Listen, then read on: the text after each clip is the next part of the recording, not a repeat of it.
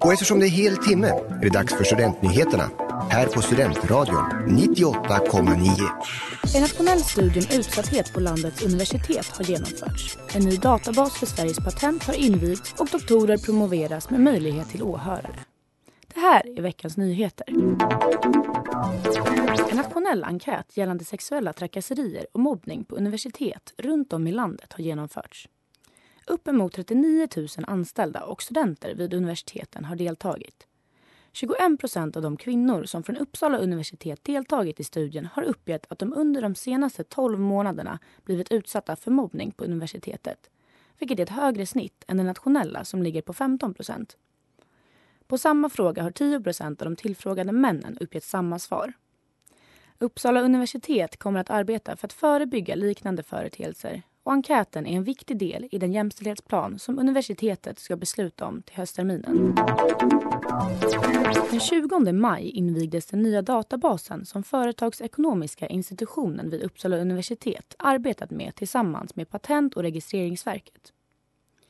Databasen, Svenska historiska patent, gör det nu möjligt att kunna söka upp patentregister ända bak till 1746. Rektor Anders Hagfeldt säger att detta är ett spännande samarbete som öppnar stora möjligheter för företagande och forskning inom flera fält samtidigt som den säkert kommer att intressera även en bred historiskt intresserad allmänhet.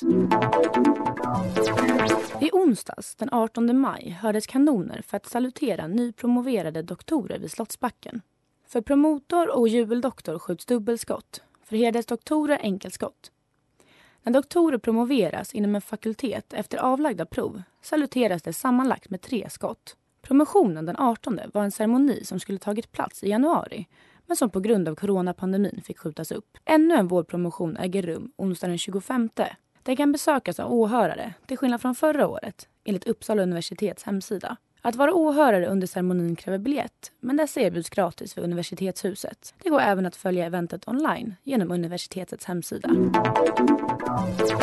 Det börjar närma sig terminens slut och detta innebär att det här är Studentradions sista nyhetssändning för terminen.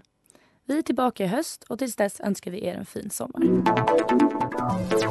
Veckans nyheter i Studentradion 98,9 producerades av Rut Bruse och Jessica Fernandez.